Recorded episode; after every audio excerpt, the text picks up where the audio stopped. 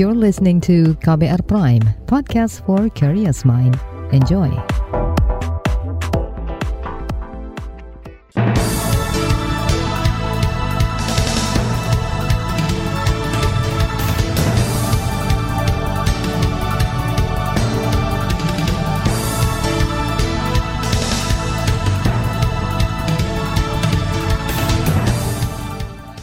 Selamat pagi saudara, senang sekali kami bisa menjumpai Anda kembali melalui program Buletin Pagi, edisi Senin 4 Juli 2022 bersama saya Roni Sitanggang. Sejumlah informasi pilihan telah kami siapkan, di antaranya cegah pelecehan seksual di transportasi publik. Menteri Kesehatan prediksi kasus COVID-19 melonjak tak lebih 20 ribu. Kapal motor tenggelam di Laut Arafura, Papua, belasan ABK masih hilang. Inilah buletin pagi selengkapnya. Terbaru di buletin pagi. Saudara sebanyak tiga kasus pelecehan seksual di transportasi publik yang terjadi dalam kurun sebulan ini menuai sorotan. Pertama di kereta api jarak jauh tujuan Solo, Jakarta. Dua kasus lainnya terjadi di KRL Jabodetabek. Dari ketiga kasus tersebut, semua pelaku dilepas tanpa jerat hukum pidana.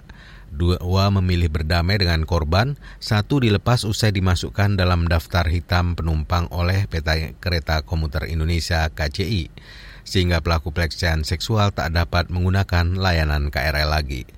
Korporat Sekretari PT KCL Adi Purba mengatakan upaya itu merupakan langkah tegas PT KCI sebagai salah satu penyedia moda transportasi publik dia juga berjanji akan segera memproses hukum pelaku seperti pada kasus pelecehan seksual yang terjadi baru-baru ini di Jakarta Timur. Kita sedang mengembangkan sistem ya. Dengan video analitik kami sudah menginput beberapa wajah yang terindikasi memang sudah dilaporkan sebagai pelaku tidak hanya pelecehan seksual tapi juga ada copet dan yang lainnya. Sehingga hal ini akan terus kami kembangkan untuk meningkatkan tadi kenyamanan kepada pengguna jasa komuter lain karena bagaimanapun ya mobilisasi masyarakat di stasiun setelah pandemi ini semakin meningkat. Juru bicara PT KCI Ana Purba mengatakan PT KAI juga melakukan kampanye pencegahan pelecehan seksual di lingkungan transportasi kereta api jarak jauh maupun kereta KRL. Kampanye dilakukan serentak di 14 stasiun pada 29 Juni lalu. Komisi Nasional Komnas Perempuan mendorong seluruh penyedia layanan publik khususnya transportasi umum mengimplementasikan Undang-Undang Tindak Pidana Kekerasan Seksual yang baru disahkan beberapa waktu lalu. Komisioner Komnas Perempuan Siti Aminah mengatakan keberadaan undang-undang ini sangat penting untuk memberikan perlindungan pengguna layanan publik dari resiko penyelecehan seksual. Dia menyebut undang-undang TPKS belum dijalankan dengan maksimal karena belum semua memahami makna dari aturan tersebut ini kan belum diketahui secara lebih luas ya keberadaan dari Undang-Undang Tindak Pidana Kekerasan Seksual baik oleh penyedia layanan transportasi maupun aparat penegak hukum maupun juga korban. Kami menghimbau agar aparat penegak hukum, lembaga penyedia moda transportasi termasuk masyarakat menggunakan Undang-Undang Tindak Pidana Kekerasan Seksual ini untuk memastikan agar pelaku mendapatkan hukuman atau efek jerah. Komisioner Komnas Perempuan Siti Aminah menambahkan UU TPKS bisa menjadi dasar proses hukum kasus-kasus pelecehan seksual yang terjadi di ruang publik tanpa perlu menunggu aturan turunannya. Dia menyebut Komnas Perempuan tengah bekerja sama dengan PT KAI untuk membangun lingkungan aman bagi masyarakat di moda transportasi kereta api. Sementara itu pengamat transportasi Asas Tigor Nainggolan mengkritik tidak adanya sistem pengawasan dan penindakan kasus pelecehan seksual di transportasi umum.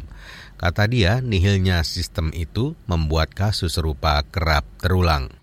Nggak ada mbak sistemnya mbak, kalau ada sistem mah ya udah bisa dijalanin. Ya kalau kalau sistemnya ada dan dijalankan nggak ada, nggak akan terulang mbak tindak pidana kejahatan pelecehan seksual ya enggak karena angkutan umum kita itu memang nggak concern untuk masalah seperti ini. Harusnya dari pengelola mbak yang harus mempersiapkan diri tadi supaya layanan itu aman. Pengguna itu merasa aman gitu loh mbak. Itu harus harus siapkan sistem. Ya misalnya di setiap ruangan ada CCTV ada tombol keamanan Pengamat transportasi Asas Tigor menambahkan, implementasi sistem keamanan dan penindakan hukum terhadap pelaku diharapkan dapat memberikan efek jera, sehingga mencegah terulangnya kejadian serupa. Dia mendorong agar pengelola transportasi publik membuat regulasi yang mengatur pencegahan hingga tindak lanjut pelaporan terhadap penegak hukum. Kata dia, sanksi dengan memasukkan ke daftar hitam tidaklah efektif membuat pelaku jera.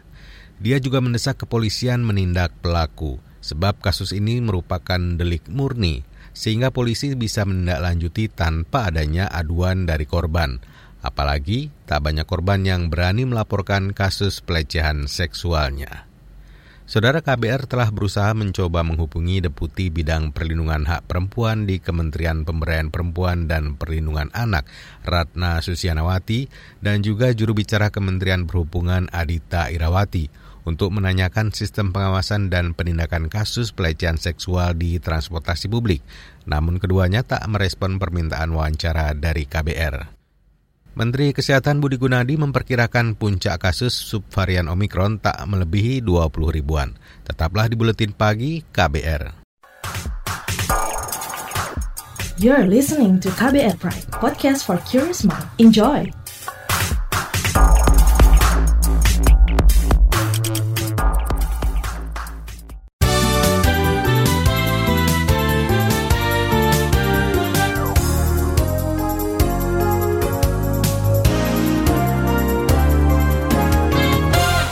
Anda sedang mendengarkan buletin pagi KBR. Menteri Kesehatan Budi Gunadi Sadikin memperkirakan puncak kasus COVID-19 subvarian Omikron BA4 dan BA5 akan di bawah 20 ribuan. Perkiraan itu didasari pola kenaikan kasus di negara-negara lain. Berapa tinggi sih puncaknya dibandingkan sebelumnya? Rata-rata mereka berkisar antara 30 sampai 40% dari puncak Omikron sebelumnya. Jadi kalau Indonesia kan 58 ribu sebelumnya ya, ya 30 persennya lah. Mungkin di bawah 20 ribu puncaknya kasus per hari. Kalau kita mengikuti, kalau kita mengikuti polanya yang terjadi di negara-negara lain yang sudah melampaui puncak. Menkes Budi Gunadi Sadikin menambahkan kenaikan kasus subvarian Omikron ini cukup cepat Kenaikan biasanya akan terjadi selang sebulan pasca temuan subvarian tersebut, sehingga diperkirakan puncak kasus di Indonesia terjadi pada pekan kedua atau ketiga Juli. Menkes mengimbau masyarakat tak perlu panik dan segera melakukan suntik vaksinasi dosis ketiga atau booster.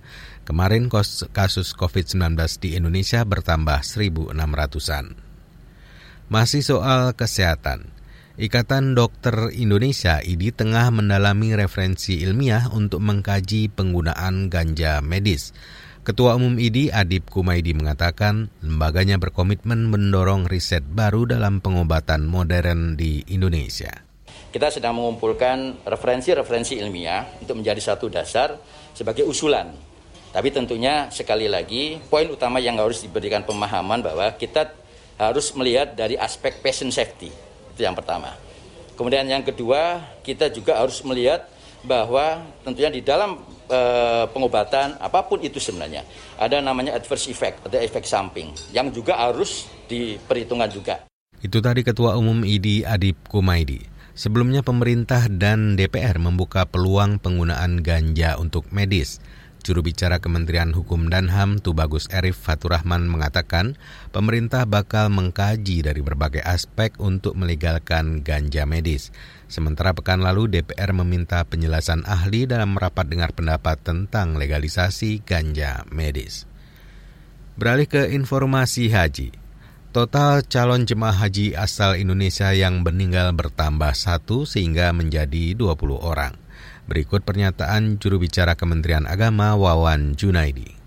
Atas nama Kiroatul Khairah Basari, jenis kelamin perempuan, usia 60 tahun, nomor paspor C 6591479, kloter SUB 37, asal embarkasi Surabaya. Juru bicara Kementerian Agama Wawan Junaidi menambahkan, calon jemaah haji yang sakit mencapai 120-an orang. Belasan di antaranya dirawat di rumah sakit Arab Saudi. Wawan menyebut saat ini suhu udara di Arab Saudi menembus 40 derajat Celcius. Dia mengimbau masyarakat memperhatikan kesehatannya masing-masing. Hingga kemarin total ada lebih 91 ribu calon jemaah haji Indonesia yang telah tiba di Arab Saudi. Kita ke informasi lain. Loket pelayanan pengurusan sertifikat tanah akan dibuka selama sepekan penuh. Menteri Agraria dan Tata Ruang Kepala Badan Pertanahan Nasional Hadi Cahyanto menegaskan tidak boleh ada praktik pungutan liar. Saya sudah perintahkan setiap kantor layanan memberikan loket prioritas untuk masyarakat yang mengurus sendiri. Dan loket prioritas itu pun saya minta dibuka hari Sabtu dan Minggu untuk memberikan kesempatan kepada masyarakat yang memang bekerja masuk hari Senin sampai Jumat. Sabtu Minggu adalah hari yang uh, mereka libur, ya mereka bisa masuk sendiri. Menteri ATR BPN Hadi Cahyanto menambahkan inovasi layanan 7 menit juga dibuka untuk masyarakat sehingga dapat mempercepat pelayanan dan mencegah praktik calo pengurusan sertifikat. LSM Migran Care menyebut anak-anak yang ditinggal keluarganya menjadi pekerja migran Indonesia rentan mengalami sejumlah masalah. Ketua Pusat Studi Migrasi Migrant Care Anis Hidayah mengatakan masalah yang dialami anak-anak tersebut mulai dari pendidikan, kekerasan, hingga kesehatan. Ini berdasarkan hasil asesmen yang dilakukan Migrant Care dari sisi pendidikan itu ada uh, kecenderungan gitu ya mengalami penurunan prestasi gitu. Kemudian motivasi juga menurun. Ada praktek putus sekolah gitu. Rentan menjadi korban bullying, mengalami kesulitan adaptasi gitu. Uh, kemudian juga ada uh, masalah tentang kekerasan gitu. Baik kekerasan fisik maupun kekerasan seksual. Ada kasus incest, ada korban KDRT ya, ada korban trafficking, ada perkawinan anak dan juga ada pelaku kekerasannya. Gitu. Ketua Pusat Studi Migrasi Migrant Care Anis Hidayah menambahkan, masalah lain yang rentan muncul saat anak pekerja migran ditinggal yaitu mengalami gizi buruk hingga gangguan kesehatan mental. Bahkan kata dia, Migrant Care pernah menemui anak yang terjebak kasus narkoba. Anis mendorong pemerintah memberikan jaminan terhadap keluarga pekerja migran, khususnya anak-anak, Kata Anies, regulasi di Indonesia mengharuskan pemerintah daerah dan desa memberdayakan keluarga pekerja migran. Beralih ke informasi ekonomi. Kalangan DPR meminta penggunaan aplikasi My Pertamina dalam pembelian BBM bersubsidi tidak malah mempersulit masyarakat. Anggota DPR Komisi Perdagangan Darmadi Durianto mengingatkan situasi akan ribut jika masyarakat golongan tak mampu justru kesulitan mendapatkan BBM bersubsidi. Dengan ada aturan memperketat itu, tentu ini kan mengurangi kebocoran dan mengurangi subsidi pemerintah. Diharapkan begitu. Tetapi memang nanti dalam pelaksanaannya harus diatur dengan baik. Jangan sampai juga mempersulit golongan tidak mampu untuk mendapatkan itu. Ya, nah ini yang harus dijelaskan oleh Pertamina secara terperinci dan sosialisasi ke masyarakat. Jadi jangan langsung diterapkan tanpa sosialisasi. Anggota DPR Komisi Perdagangan Darmadi Durianto menambahkan, sosialisasi harus dilakukan menyasar masyarakat golongan tidak mampu. Sebelumnya penggunaan aplikasi My Pertamina untuk pembelian BBM jenis Pertalite dan solar baru diperuntukkan kendaraan roda 4. Uji coba dilakukan di 11 daerah. Kita ke informasi mancanegara. Rusia menuding ledakan di kota Belgorod kemarin merupakan serangan rudal dari Ukraina. Ledakan itu menewaskan tiga orang dan merusak bangunan tempat tinggal. Juru bicara Kementerian Pertahanan Rusia Igor Konasevkov menuding serangan rudal itu sengaja diluncurkan ke kawasan penduduk sipil di kota-kota Rusia. Dia mengklaim pertahanan udara Rusia telah menghancurkan tiga serangan rudal lain. Ukraina belum mengakui serangan rudal itu, namun mereka menyebut insiden itu sebagai karma atas invasi Rusia ke Ukraina. Insiden ini terjadi selang beberapa hari usai Presiden Jokowi melawat ke Ukraina dan Rusia untuk misi perdamaian. Sebanyak 20 orang tewas saat sebuah bus penumpang terjun ke jurang di Pakistan. Kantor berita Reuters menulis kecelakaan maut itu juga menyebabkan 13 orang menderita luka-luka. Bus naas itu disebutkan sedang berada dalam perjalanan dari kota Garnisun ke provinsi Balochistan di barat daya. Otoritas tempat masih menyelidiki penyebab kecelakaan yang menewaskan puluhan orang tersebut. Beralih ke informasi olahraga. Pasangan ganda putri Indonesia Apriani Rahayu Siti Fadia sukses menjuarai badminton Malaysia Open 2022. Pasangan anyar itu menaklukkan wakil Tiongkok Zhang Zuxian Zheng Yu dalam permainan 3 set. Wakil Indonesia lainnya Fajar Rian harus puas berdiri di podium runner-up usai dikalahkan ganda putra terbaik Jepang Takuro Hoki Yugo Komayashi. Saudara di bagian berikutnya kami hadirkan laporan khas KBR bertajuk Mencari Solusi Ganjalan RUU Perlindungan Data Pribadi. Nantikan sesaat lagi. You're listening to KBR Pride, podcast for curious mind. Enjoy!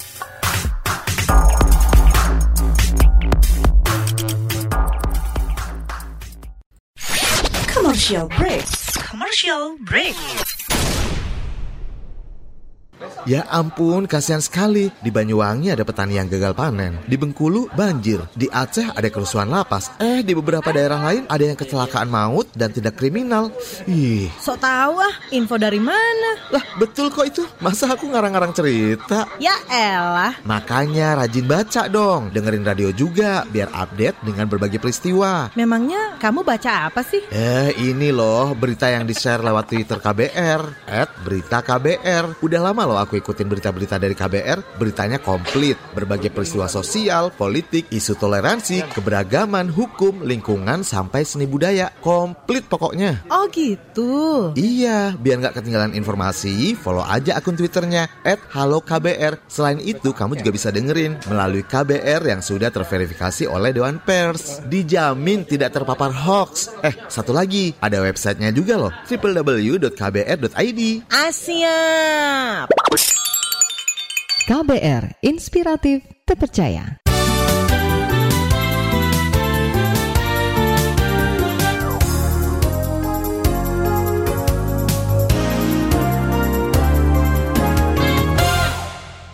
Terima kasih Anda masih bersama Roni Sitanggang di Buletin Pagi KBR. Saudara, pembahasan rancangan Undang-Undang Perlindungan Data Pribadi tak kunjung disahkan. Ganjalan utamanya pada pembahasan status Badan Khusus Penanganan Perlindungan Data Pribadi yang buntu antara DPR dan pemerintah. Apa solusinya? Berikut laporan selengkapnya bersama jurnalis KBR Astri Septiani. Kalangan anggota Komisi 1 DPR terus menyuarakan agar rancangan Undang-Undang Perlindungan Data Pribadi bisa segera disahkan. Anggota Komisi 1 DPR yang membidangi komunikasi dan informatika, Taufik Abdullah mengatakan, saat ini negara memiliki keterbatasan untuk melindungi data pribadi warga. RUU khusus perlindungan data pribadi diperlukan untuk melindungi hak masyarakat atas data pribadi agar tidak disalahgunakan. Menurut Taufik, saat ini data pribadi masyarakat rentan dilempar-lempar dari satu lembaga atau institusi. Ya, pemerintah uh, belum memiliki payung yang memungkinkan untuk melakukan tindakan-tindakan yang uh, lebih efektif uh, dalam kerangka untuk memberikan punishment terhadap pelaku-pelaku pembocor dan penyalahguna dari data pribadi. Jadi undang-undang data pribadi ini sudah menjadi kebutuhan yang sangat mendesak Keinginan serupa juga dilontarkan oleh anggota Komisi 1 DPR Niko Siahaan. Dirinya berharap Indonesia sudah memiliki undang-undang perlindungan data pribadi sebelum pelaksanaan pertemuan G20 pada November mendatang. Niko memahami saat ini terjadi kebuntuan antara DPR dan pemerintah terkait status Badan Khusus Penanganan Perlindungan Data Pribadi, apakah di bawah kementerian atau independen. Ia menilai jalan terbaik mengatasi kebuntuan adalah mengembalikan status tersebut kepada Presiden Joko Widodo. Gimana menterinya dan gimana dan gimana presiden? Kami sudah uh, meletakkan ini di tangan Pak Presiden. Kenapa? Karena tadi sudah saya sampaikan bahwa nanti kita akan ketemunya di pembahasan bahwa otorita ini adalah badan yang dibentuk atau ditunjuk oleh presiden. Jadi presiden maunya apa? Kira-kira gitu. Kalau maunya lebih independen, bikin badan baru atau BSSN. Kalau enggak ya menunjuk Pak Menteri. Meski begitu, Niko Siahaan mendorong agar badan khusus yang menangani perlindungan data pribadi tidak di bawah kementerian. Sementara itu, Ketua Umum Masyarakat Telematika Indonesia atau MASTEL, Sarwoto Atmo Sutarno mengusulkan Badan Khusus Penanganan Perlindungan Data Pribadi diisi kombinasi berbagai unsur, seperti dari pemerintah dan juga swasta. Adapun pertanggungjawabannya bisa langsung ke Presiden sebagai penegasan status badan khusus itu adalah independen. Itu yang yang paling penting uh, itu dibentuk bahwa nanti dia bertanggung jawab pada Presiden ya itu lebih independen gitu ya. Usulan lainnya datang dari koalisi LSM Advokasi Perlindungan Data Pribadi. Anggota koalisi yang juga Direktur Eksekutif Lembaga Studi dan Advokasi Masyarakat Elsam, Wahyudi Jafar mengatakan, pemerintah dan DPR bisa bersepakat agar personel yang duduk di badan khusus tadi berasal dari SDM di Kementerian Kominfo. Namun, status lembaga itu haruslah independen dan bertanggung jawab langsung ke Presiden. Ia mencontohkan lembaga serupa seperti Ombudsman RI dan Komisi Pengawas Persaingan Usaha atau KPPU. Jadi yang bisa dikembangkan adalah bagaimana usulan dari DPR itu diperbaiki kembali dengan menghadirkan materi-materi gitu kan, struktur-struktur terkait dengan uh, otoritas perlindungan data pribadi untuk memenuhi persyaratan independensi tadi gitu kan. Misalnya terkait dengan uh, mekanisme pemilihan komisioner perlindungan data pribadi dan seterusnya. Wahyudi juga mengingatkan menempatkan otoritas perlindungan data pribadi di bawah kementerian membuat wewenangnya tidak akan bisa lebih luas dari tugas, fungsi, dan wewenang kementerian itu sendiri. Kebocoran data pribadi di masyarakat saat ini sudah ditaraf mengkhawatirkan. Bentuknya bisa bermacam-macam, mulai dari tawaran asuransi via telepon, SMS spam, tawaran judi, hingga salah tagih pinjaman online. Salah satu korban penyalahgunaan data pribadi adalah Lazuandi. Ia didatangi penagih utang online, padahal dirinya tidak pernah mengajukan pinjaman. Ia berharap agar RUU Perlindungan Data Pribadi segera disahkan, agar penyalahgunaan data pribadi bisa dihukum. Semoga ada gebrakan gitu atau ground zero sehingga semua yang terjadi itu yang menimpa konsumen bisa dihapuskan dulu gitu karena kebayang deh ketika dari kasus yang saya sebutkan tadi dari pay letter salah satu aplikasi traveling yang menimpa orang di Twitter, dia harus ngurus sendiri gitu. Padahal dia nggak ngelakuin gitu. Hal-hal kayak gitu tuh harusnya jangan sampai terjadilah kitanya duluan yang ngeh, baru pemerintah bergerak gitu. Harusnya semuanya dibersihkan dulu lah hal-hal yang di luar kendali kita gitu. Demikian laporan khas KBR, saya Astri Septiani. Saudara informasi dari berbagai daerah akan kami hadirkan usai jeda berikut ini. You're listening to KBR Pride, podcast for curious mind. Enjoy!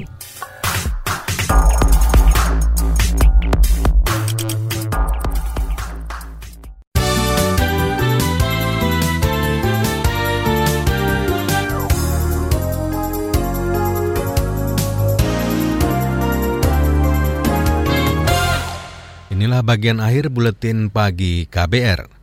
Badan Nasional Penanggulangan Terorisme BNPT mendirikan kawasan terpadu Nusantara di Kecamatan Kadangoro, Kabupaten Garut, Jawa Barat. Kepala BNPT Boy Rafli mengatakan KTN didirikan untuk mengembangkan produktivitas ekonomi bekas narapidana terorisme, sehingga mampu meningkatkan kesejahteraan mitra deradikalisme dan bisa berbaur dengan masyarakat. Ini adalah kegiatan berbasis pendekatan pembangunan kesejahteraan. Kepala BNPT Boy Rafli menjelaskan Garut merupakan satu dari lima provinsi yang masuk lokus sinergitas penanggulangan terorisme. Selain Garut, pemerintah juga mendirikan KTN di Jawa Timur dan Sumbawa, Nusa Tenggara Barat. Menteri Koordinator Bidang Pembangunan Manusia dan Kebudayaan Muhajir Effendi menyebut wabah penyakit mulut dan kuku ternak bisa menyebabkan naiknya angka kemiskinan. Kata Bunga Hajir saat berkunjung ke Semenup, Jawa Timur akhir pekan kemarin, kematian ternak seperti kiamat bagi peternak. Ini kan termasuk peternak kecil kan, hanya dua tiga sapi. Nah, kalau tiga sapinya mati, setengah kiamat itu. Karena diharapkan, apalagi kalau sapi pejantan yang diharapkan ini bisa dijual menjelang Idul Adha, angan-angannya sudah untung berbunga-bunga mungkin bisa 30 juta per ekor, ternyata mati. Ya ini yang jadi akan menjadi pendorong terjadinya kenaikan angka kemiskinan terutama di kalangan peternak kecil. Menko PMK Muhajir Effendi meminta kampus berperan aktif dalam membantu masyarakat menangani wabah PMK. Dia telah memerintahkan Menteri Pendidikan Nadiem Makarim untuk mendorong program pengabdian masyarakat dalam menangani PMK. Anggarannya akan diambil dari program Kampus Merdeka. Kita ke Papua. Kapal motor Setia Makmur 06 tenggelam di Laut Arafura Sabtu kemarin. Dilansir dari antara 15 dari 25 anak buah kapal ABK hingga semalam belum ditemukan.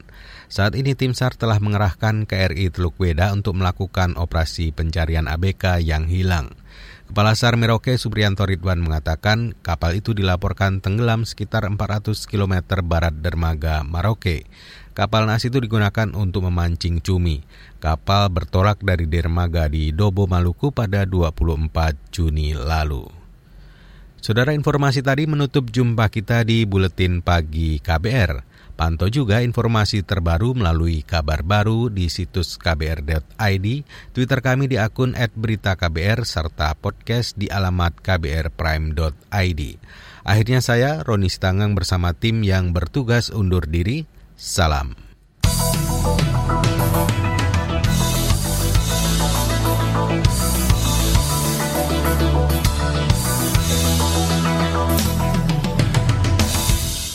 KBR Prime, cara asik mendengar berita.